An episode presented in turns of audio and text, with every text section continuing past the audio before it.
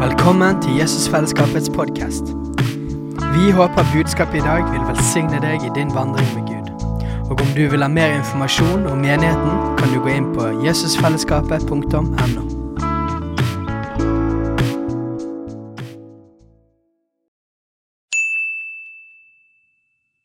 Hei! Visste du at Jesusfellesskapet starter en ny bibelskole til høsten? Den heter Jesusskolen og starter den 3. september. Gå inn på jesusskolen.no for mer informasjon.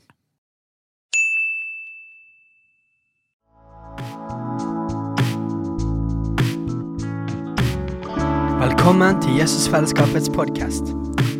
Vi håper budskapet i dag vil velsigne deg i din vandring med Gud. Og om du vil ha mer informasjon om menigheten, kan du gå inn på jesusfellesskapet.no.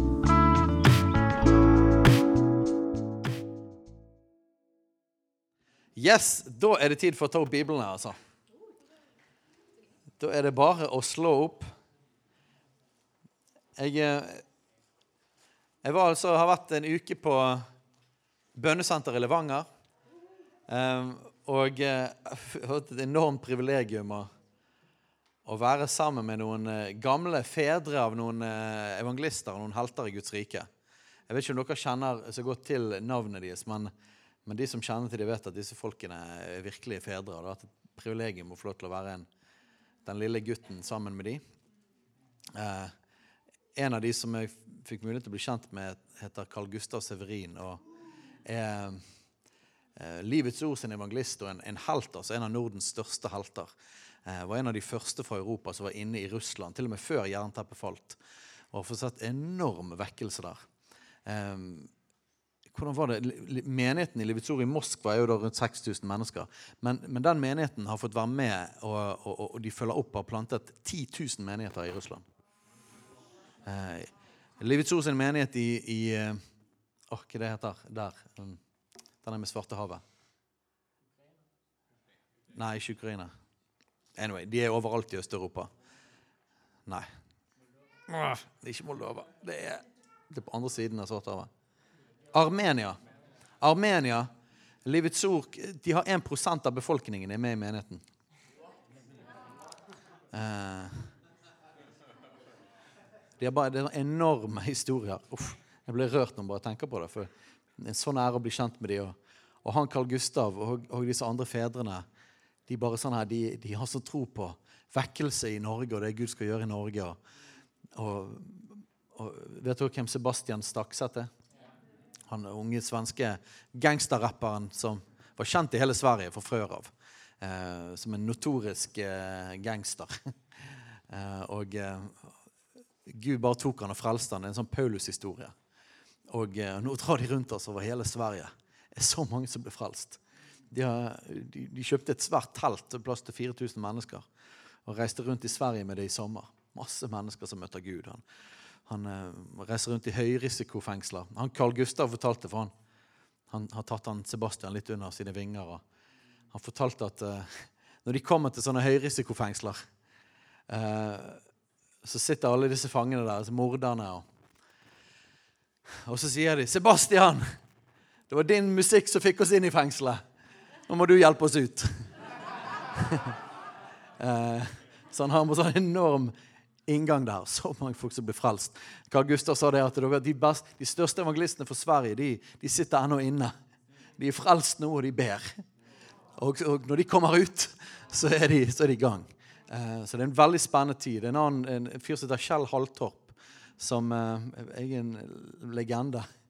Eh, noen sier det at det er ingen som har vunnet flere mennesker for Jesus i Norge utenom Hans Nilsen Hauge. Eh, og han er over 80 år nå, og fikk, fikk muligheten til å bli kjent med han. Han var på Austevoll. Nå visste jeg han skulle reise til Austevoll rett etter. Så, så øh, når jeg fikk, fikk vite det, så tenkte jeg at nå må jeg bare Han er jo en gammel mann etter hvert. Han kaller seg en ung mann. Ung mann. Han er jo full av liv og kraft. Men han var på Austevoll og hadde møter, så jeg var der ute i går. Bare for å bære kofferten hans og holde paraplyen i regnet. Og, og bli kjent med han. Så var jeg med, med han i dag òg. Og, og han sier det at han har, han har jo vært i tjeneste som, og vunnet mennesker i Norge. Altså hvor lenge? Han er over 80 år. altså 40-50 år. noe sånt. sånn. Eh, og han sier det at eh, han har aldri opplevd Norge så åpent som nå. Eh, og Han var med i Jesusvekkelsen og karismatiske vekkelse på 70-tallet. og Han sier det at det, det, har aldri vært så åpent som det er nå for evangeliet. Så det, det har vært sånn utrolig oppmuntrende å være med dem. Eh, det var egentlig ikke det jeg skulle si. Ja, ja. Det var fint for det. Det var et eller annet jeg skulle si. Ja, anyway, Kommer sikkert på det igjen. Ja, men jeg kan jo, jeg kan jo ta, den, ta, den, linken der, da. Um, vi kan lese dette verset først. Det er i første Nei, Paulus andre brev til Timoteus. Jo, nå kom jeg på hvorfor jeg tenkte på dette. Jeg var på, altså på Austevoll, på bedehuset. Bedehuset på Austevoll med han eh, Kjell Haltopp i går. Og Der hadde de sånne hyller med bibler til alle sammen som ikke hadde med Bibel. Jeg tenkte kanskje vi burde gjøre det, vi òg. Det var derfor jeg tenkte på det når vi skulle slå opp i Bibelen. Jeg har jo prøvd noen ganger å få litt sånn her eh, papirbibelvekkelse eh, hos oss. Det er noe med å ha papirbibel. Så kanskje vi skal ha gammeldagse sånne hyller med bibler, så alle, kan, alle, kan, bla opp. Det er bra å bla opp, altså. Eh, ok. Andre brev til Timoteus, kapittel 1, vers 7. Nei, vers 6, faktisk. Derfor minner jeg deg om at du igjen opptenner den Guds nådegave som er i deg ved min håndspåleggelse. Derfor minner jeg deg om at du igjen opptenner den Guds nådegave som er i deg ved min håndspåleggelse. Dette er det Gud har lyst til å gjøre i dag. For de som har vært i vårt miljø og vært i menigheten i noen år, så husker dere kanskje det at noe av det vi var mest kjent for, og noe av det som på en måte kom tydeligst fram eh, i vårt miljø og vår kultur, var å helbrede syke, kaste ut onde ånder og profetere over folk og fungere i åndens gaver. Og det å aktivere alle mulige vanlige folk, vanlige kristne, og unge folk og gamle folk til å gjøre disse tingene. Er det noen som husker det? Noen som har vært der så lenge at de husker det? Ja. Og... Eh, for en del år siden så fikk vi oppleve oss en enorm bevegelse av Den hellige ånd iblant oss. Og Det er nesten sånn at man ikke skjønner helt hvor unikt det var før liksom etterpå. Men Når jeg ser tilbake igjen på det, så er det bare sånn å hjelpe meg. Det var jo helt crazy. Eh, og det var en tid der, der, det gikk ikke en eneste uke før det var massevis av, av vitnesbyrd om mennesker som ble helbredet for sykdommer. Mange. Eh, omtrent hver eneste dag skjedde det rundt omkring overalt. Både når det var organisert evangelisering og sånne ting som det der, og bibelskolen var ute, men òg i hverdagen til folk. Det var også sånn at det var, det var en sånn enorm profetisk ånd eh, som gjør at folk profeterte over hverandre hytt og pine. Og Den overnaturlige dimensjonen var veldig vanlig hos oss. veldig oppe i overflaten. Nå er det ikke sånn at det har forsvunnet helt, men gjennom den krisen som menigheten har vært inne i, så har det rett og slett det veldig mye som er blitt litt sånn her eh, det er ikke dødt, men det har kommet litt i dvale. Og Det siste året så har det rett og slett vært en gjenoppbyggingstid og en tid av oppvekking av ting. Og jeg tenkte når jeg var i lovsangen der, så tenkte jeg at uh, det er jo fantastisk, for dette er faktisk mange ting som har blitt vekket opp igjen. Og lovsangskulturen er en av de tingene som virkelig har begynt å våkne igjen. Har du tenkt over det? Har du merket det? Uh, og det, det, er så viktig, for det er en del av de vi er kalt å være. Det er jo en Guds rike ting, men det er òg en del av vårt DNA som menighet hengiven tilbedelse. Så, og Nå er det fokus på bønn dette året, og i utgangspunktet det vi forkynner om hver eneste gang. Men det er klart at Den hellige ånd er han som har sagt vi skal snakke om bønn. og fokusere på bønn. Men han har jo òg lov selvfølgelig til å si at vi skal snakke om noe annet en gang. Det er jo han som er sjefen. Så i dag så, så kjente både meg og Fredrik på at vi skal snakke om det med å vekke opp igjen den overnaturlige dimensjonen hos oss. Og Det skjedde et par, par, ting i forhold til det. For Jeg er jo så dårlig på dager og tider. Men, men jeg og Fredrik snakket i hvert fall sammen for et par uker siden. tror jeg det var. Eh, og så nevnte Fredrik dette her med å få mer tid på søndagen. Jeg tror det var søndagene vi snakket om. Der vi igjen begynner å demonstrere helbredelse og kunnskapsord og profetering. og de tingene der. Det har jo alltid vært planen at det selvfølgelig kommer tilbake igjen som alle andre ting, men vi, vi må være i Guds timing på hva han vil fokusere på. Eh, men, men, så begynte Fredrik å snakke om det, og jeg kjente liksom at ja, vet du hva, det, det, det, rører noe her. Jeg tror det er tid for det. Jeg tror det er tid for å begynne å liksom åpne opp denne kranen der igjen. da. Eh, så har vi snakket litt om det og tenkt litt på det. Og så, og så var jeg oppe på denne evangelistskolen. Og så er det litt rart, for i mange år, helt fra jeg jobbet i laget rundt fra jeg var 20 år gammel, vi reiste rundt på skoler og forkynte evangeliet og helbredet syke, til så jeg begynte på Veien bibelskole, og mitt hovedfokus der var å trene folk til evangelisering. Og gjorde det i mange år. Og Så begynte vi å trene evangelister. og jeg hadde kjempe, liksom. Og så reiste vi rundt omkring i Norge og Skandinavia og Europa og forsynte evangeliet og var forkynte evangeliet på Den blå stein og alle, alle, mulige steder vi var. Så det, det evangelistiske var veldig sterkt mitt fokus. Og så kom vi inn i hele liksom, krisen som var i menigheten for noen år siden. Og så var liksom det bare to år med konflikthåndtering og elendighet. Ikke særlig evangeliseringsfokus. Og etter det så har jeg opplevd jeg at Gud kalte oss til å være med å bygge opp menigheten igjen. Reise opp menigheten igjen, komme på beina igjen og gå inn i framtiden. Og Gud talte veldig tydelig til meg om ti år, at de skal gjøre det i ti år for jeg får lov til å fokusere veldig sterkt igjen på misjon og sånne ting. Så det, nå er det åtte år igjen av det. Halleluja. Eh, Men Det morsomme er, det at, eh, er at jeg er veldig komfortabel med å være i denne sesongen. Eh, men jeg har rett ikke hatt noe evangelistisk fokus i det hele tatt dette året, og på tre år i alle fall. Eh, det, er liksom ikke ligget til meg. og Jeg har ikke hatt noe sterkt fokus på det med å forløse folk heller i gaver og helbrede syke og, og, og, og, de tingene der. Så dette er veldig liksom, For noen år siden vet du, så er det jo, jeg kan ikke tenke meg noe kulere enn å bli invitert på en evangelistskole sammen med den folkene, folkene der. Men nå er det jo nesten litt rart, for jeg har jo ikke holdt på med disse tingene på mange år. Um, og jeg husker at det satt Katrine for en uke siden, to uker siden. og sånn som det der. Jeg sa at jeg har aldri vært mer tilfreds noensinne med å være i akkurat den sesongen som jeg er i nå. Bare fokusere familien. og At vi skal ha et godt liv. Og, og bare være til stede og være bygge menighet. Og så rett etter det, da, så virker det som Gud bare smeller opp alle dører av favør i forhold til det med evangelisering å gjøre igjen. Så det er veldig rart. Så jeg er der oppe, og så opplever jeg at Gud eh, taler til meg om at Det var en sånn, var en sånn periode etter en, en, et møte vi alle hatt undervisning der. og så og så var det bare en sånn atmosfære av Den hellige ånd. Vi merket at oi, nå kan vi gå inn i mer her. Den hellige ånd beveger seg. Vi var egentlig, var egentlig pause, men folk bare fortsatte der og tilbe Gud. og sånn som det. Og så bare merket jeg at Den hellige ånd begynte å bevege seg. Og så er det litt interessant. Og jeg sier disse tingene fordi at jeg vet at det er mange andre som er i samme båt. Ok? Og jeg taler inn i noe litt kollektivt i forhold til menigheten. Jeg kjente det at nå var det en atmosfære der Den hellige ånd begynte å trykke på at nå må vi begynne å helbrede syke. Og Det er ikke det at jeg ikke har bedt for noen syke, i det hele tatt, eh, men jeg, jeg merker faktisk det. At helbredelse av syke er for meg den tingen gjennom denne krisen og, og, og skulle bygge opp igjen jeg har hatt mest kamp på. Jeg har faktisk vært enormt fristet til å bare droppe hele helbredelsesgreien. Fordi at det er sykt behagelig. Det er ikke noe gøy å holde på med helbredelsestjeneste. Det er så sinnssykt åndelig kamp rundt det. Og det er så mange sure kristne. Ja, det er det. Det er så mye kritikk og elendighet. Å, fy søren. Og det er å pionere tegn og under i, i, i Nasaret, som vi bor i eh, Der ikke engang Jesus kunne gjøre noen mektige gjerninger. Det er drittøft.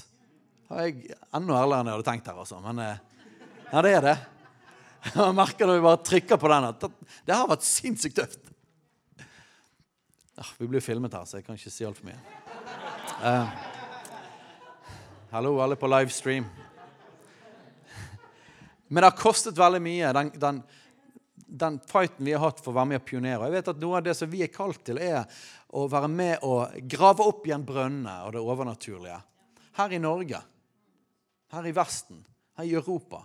Eh, og, at, og, at, det vi leser om i, evangeliene og apostels gjerninger, skal bli vanlig igjen iblant oss. Dette er en del av vårt kall, men jeg må innrømme det at det er et kors å bære. altså. Det er det. Og når ting var veldig tøft og vi var i konflikt, så var det den tingen jeg hadde mest lyst til å droppe. Det var sånn ah, Kanskje vi bare være litt mer spiselige.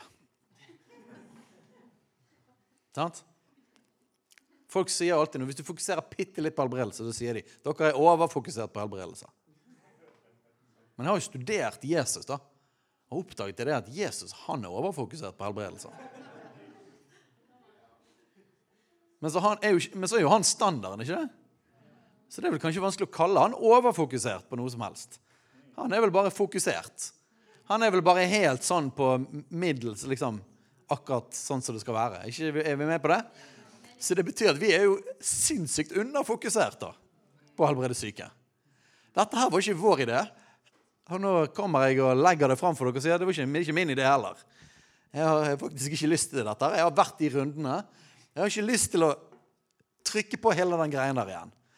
Men problemet er at ordet har ikke forandret seg, selv om vi har hatt en liksom vanskelig tid i menigheten.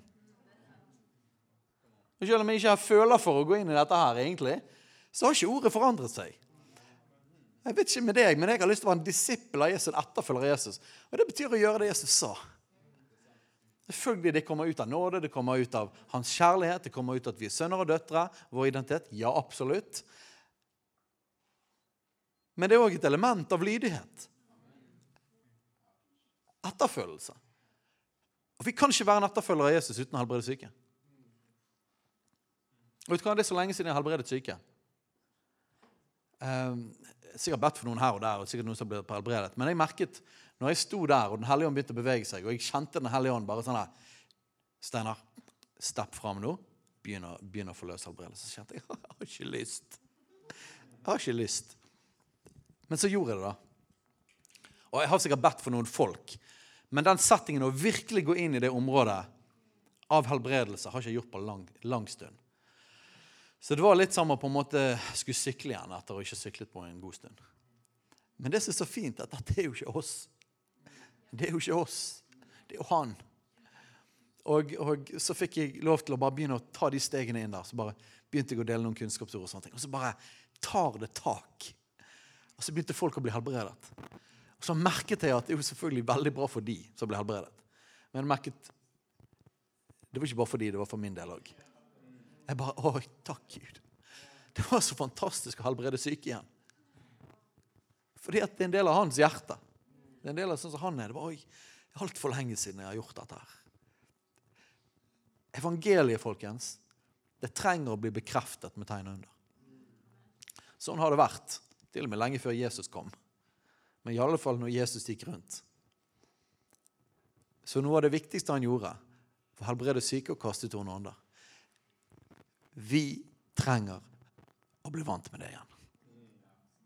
Vi trenger det. Dette er en del av det vi er kalt til. Det er en del av det hele Guds menighet er kalt til. Vi trenger å få grave dette opp igjen. Og dette ligger i oss. Det ligger i oss fordi at Den hellige ånd bor i oss.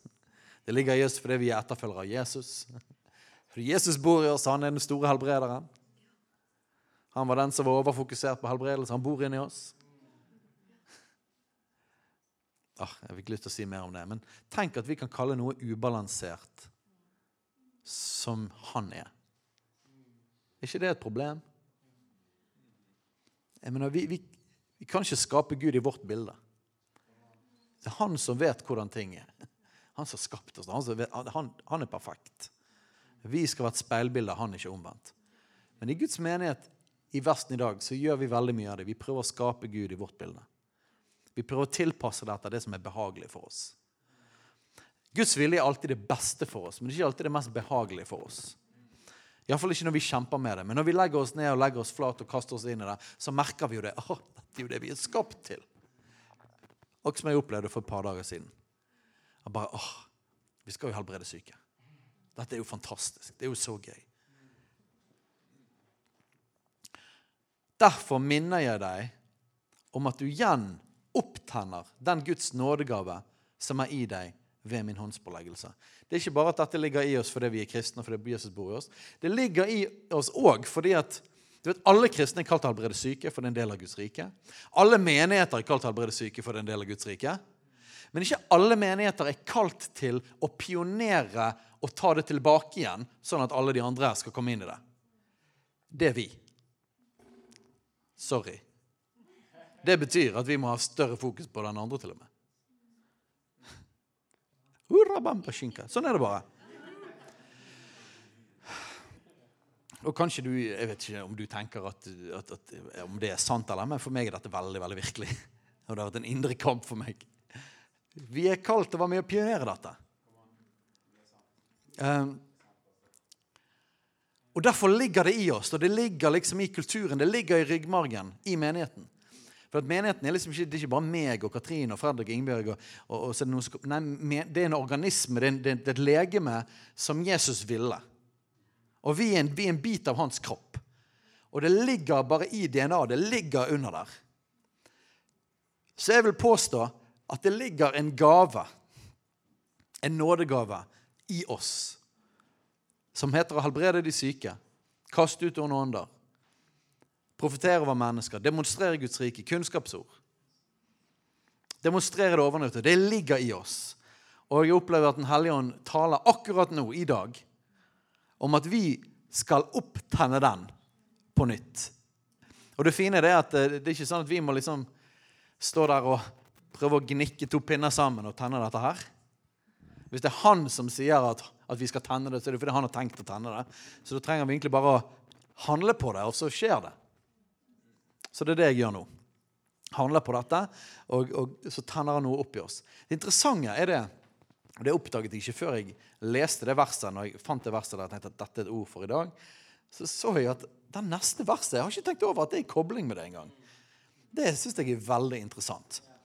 Neste verset er altså For Gud altså For det betyr altså Dette er en begrunnelse, en understrekning av det forrige verset.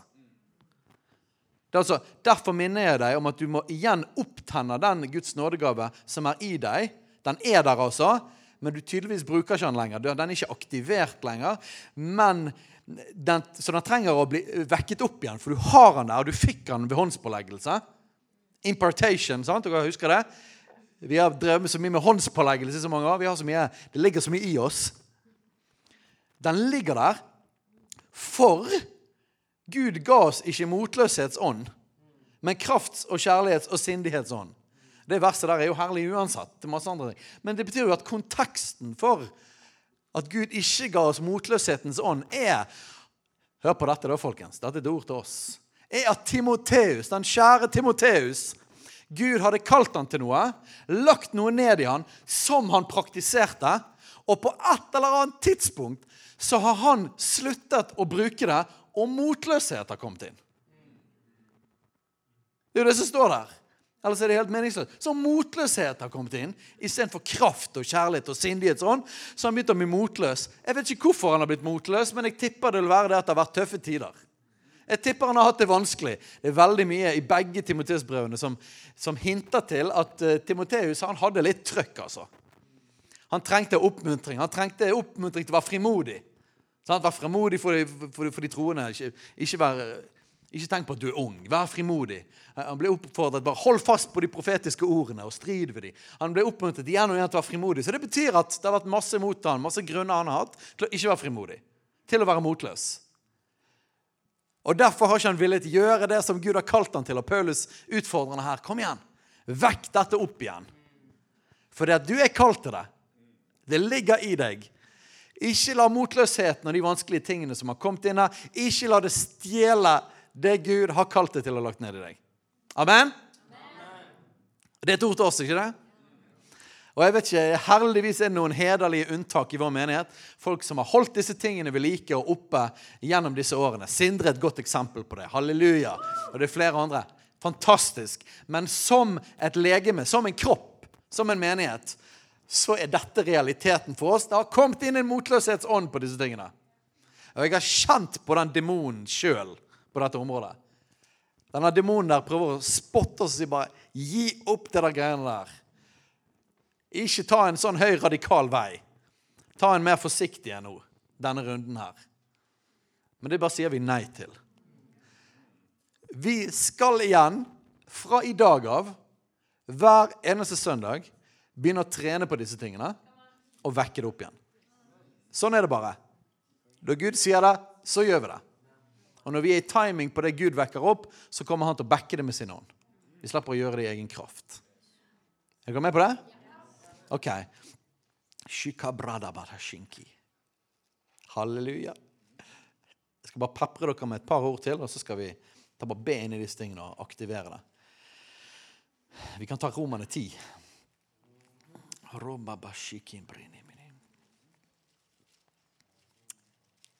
Gud er god, altså.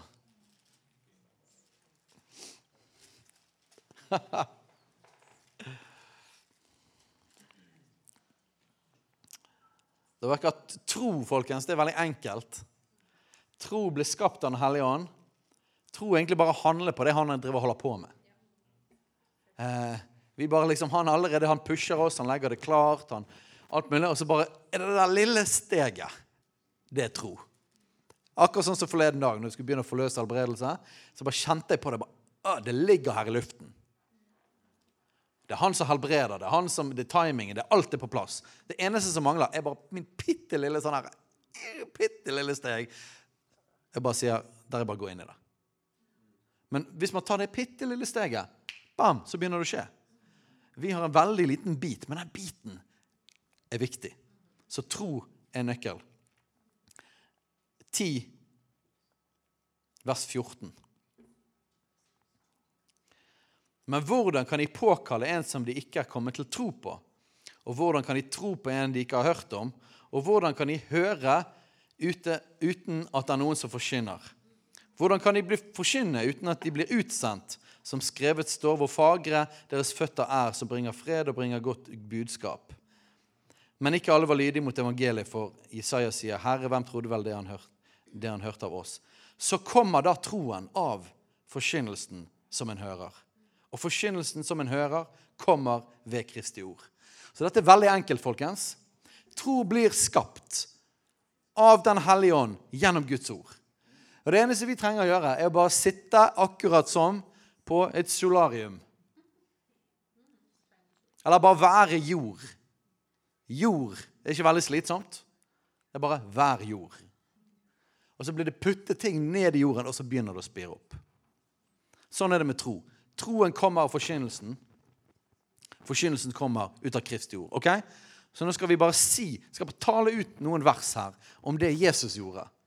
Og det vil skape tro i oss, og det vil aktivere disse tingene igjen i oss. Amen? Matteus 4.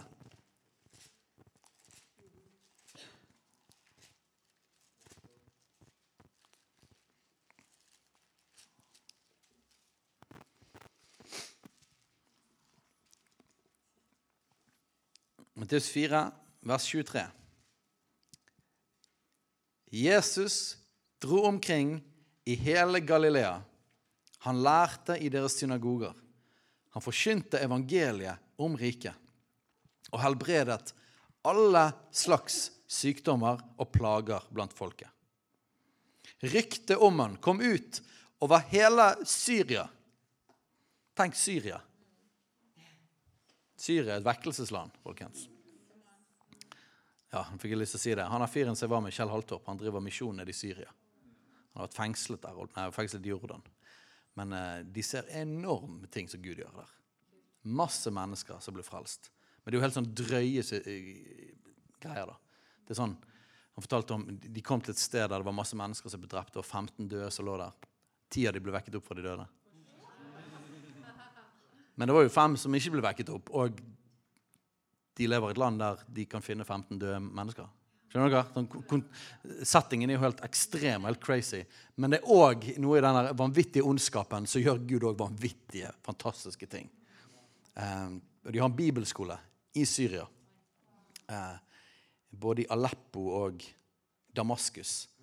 Jeg bare tenkte på det når vi snakker om Syria. For dette er jo kjernebibelsk land. Og Gud beveger seg fortsatt der. Ryktet om han kom ut over hele Syria, og de førte til han alle som hadde ondt, og led av forskjellige sykdommer og plager, både besatte, månesyke og lamme, og han helbredet dem. Amen? Og så tar vi bare skal ta noen oppsummeringsvers, og så skal vi be. Vi kan ta Matteus 10. Eller Matteus 9, 9,35.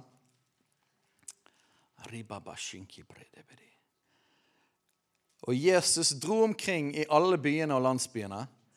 Han lærte i deres synagoger, forkynte evangeliet om riket, og han helbredet all sykdom og alle plager. Dette er Jesus, sant? Dette er jo det vi er kalt til, alle sammen. Være Jesus her i Bergen. Da han så folket, fikk han inderlig medynk med dem, for de var herjet og forkomne som får uten hyrde. Ja, Gud, vekk opp våre hjerter, åpne opp våre øyne, så vi kan se folket vårt.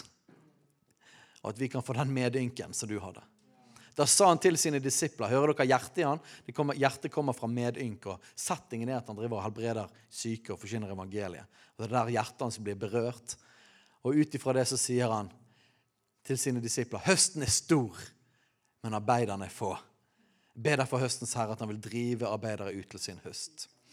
Og han kalte til seg sine tolv disipler og ga dem makt over urene ånder, så de kunne drive dem ut og til å helbrede alle slags sykdommer og plager. Jeg skal fortsatt holde meg, jeg har lov til å ikke snakke om evangelisering i år, så jeg skal hoppe over det. Men jeg skal snakke om helbredelsesbiten inni her. Og jeg syns det er interessant at Jesus han fikk medynk, kjærlighet, når han så folket. Og responsen hans var flere arbeidere. Vi må drive ut flere arbeidere til høsten. Og, og, og den konkrete responsen ut ifra den lengselen høsten sto, hva var det? Han ga dem makt til å helbrede syke og kaste ut ånder. Så hans svaret på Jesus sin nøden han så i folket, var å gi dem autoritet og makt, salvelse, til å helbrede syke og kaste ut ånder. Hva betyr det? Det er en direkte sammenheng mellom Guds kjærlighet til folket og kraften til å helbrede syke og kaste ut andre. Det er drivkraften bak det. Hvorfor er helbredelse så viktig? Vi skal selvfølgelig se Gud gripe inn i og berøre alle mulige områder av folks liv. Det er jo evangeliet om Guds rike. ikke det? Men, men dette er liksom slags posterboyen i helbredelse. Og så involverer det alt mulig annet. Jeg vet ikke hvorfor det er så viktig for Gud akkurat det med å helbrede fysisk sykdom. Men jeg tror det er fordi at det er en så utrolig sterk eh, demonstrasjon av hvem han er. Hvor god han er. Det blir en sånn fysisk tydeliggjøring av at han er en god far som elsker alle mennesker. Det tror jeg er den profetiske dimensjonen av å helbrede syke. Så han ga dem makt til å helbrede alle slags sykdommer. Troen kommer av forkynnelsen. Alle slags sykdommer i Jesu navn. Og så sa Jesus òg, vers 7 Han sendte de ut, og står det i vers 7. Når dere nå går av sted, så forsyn. Himlenes rike er kommet nær. Helbred syke, vekk opp døde, rens spedalske, driv ut onde ånder. For intet har dere fått det, for intet skal dere gi det. Vi tar ett vers til på, på dette her. Og da tenker jeg at vi tar Apostelens gjerninger Nei, vi tar den òg. Nå bare hoppet når jeg skulle dra dit, så bare falt jeg ned på Markus 16.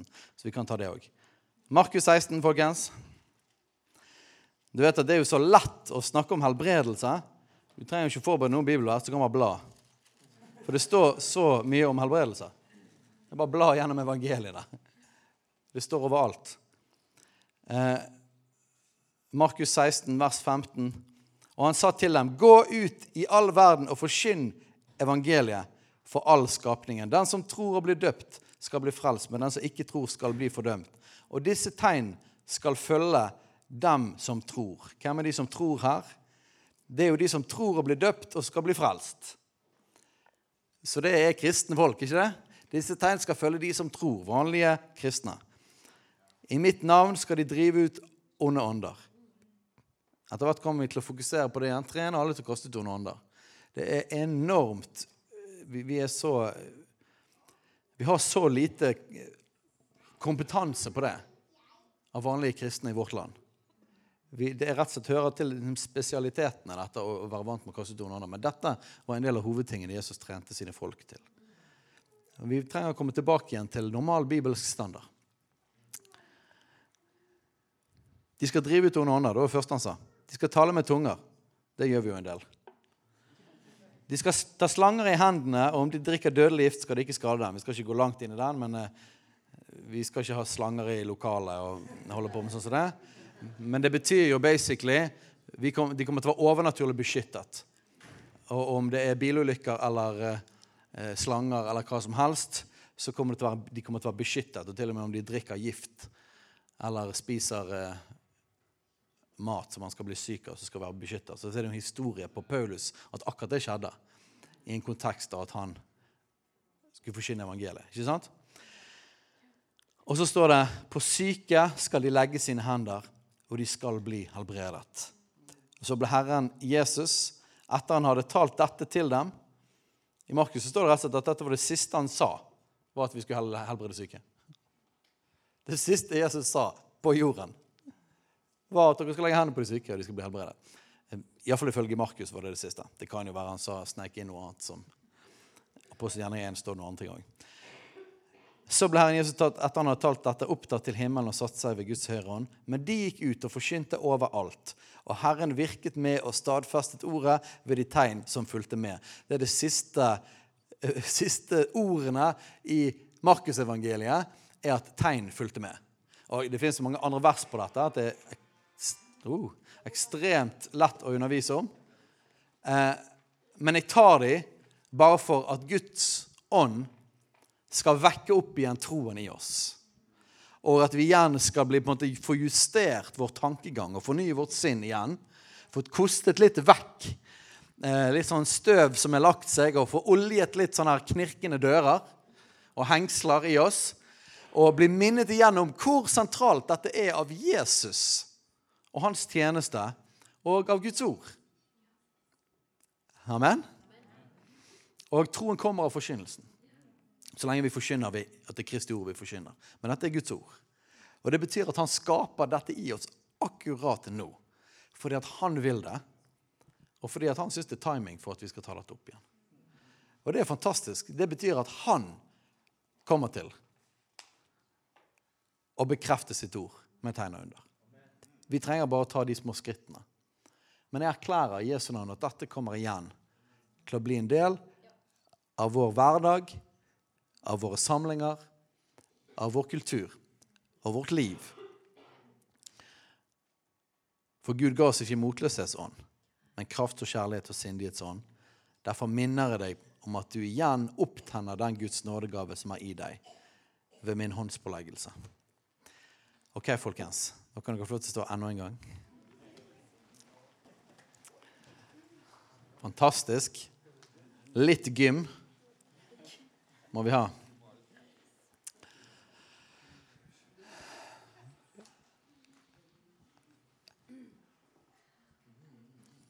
Og Dette gjelder jo mer enn helbredelse òg, men det, det, er liksom den første som vi kjente å, å, å, ta tak i.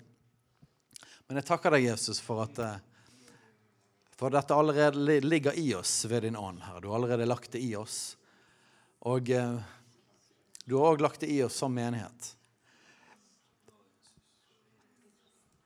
Og Gud, jeg vil si at den tiden vi har hatt nå, over lang tid der, vi, dette, der dette liksom har blitt støvet ned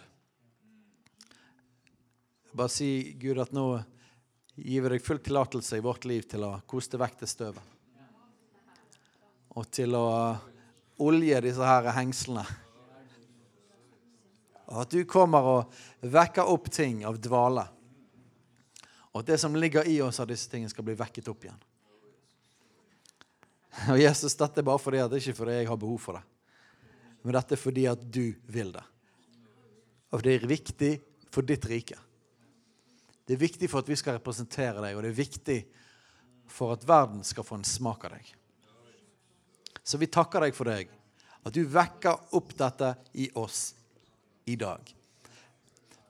Jeg har lyst til at vi som et fysisk tegn for alle som ønsker og bare merker i sitt hjerte at de sier ja, dette, jeg vil det, ikke bare for menigheten, men for meg personlig, så bare ta fram hendene dine akkurat som eh, å ta imot en gave. Nå, nå er det egentlig ikke å ta imot en gave hovedsakelig, men det å få vekket opp noe, få frisket noe. Men bare ta ut hendene dine.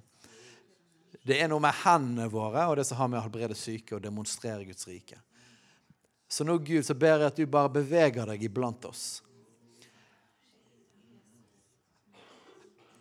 At disse tingene blir vekket opp. Vi skal snakke om det profetiske en annen dag, men, men vi ber akkurat nå at det å bli vekket opp, Herre. Det profetiske gavene av profetiske ånd, Herre. Kunnskapsord, visdomsord. Budskap i tunger, tydning av tunger. Gaven til å prøve ånder. At det virkelig blir sånn at når vi kommer sammen, så blir disse tingene demonstrert.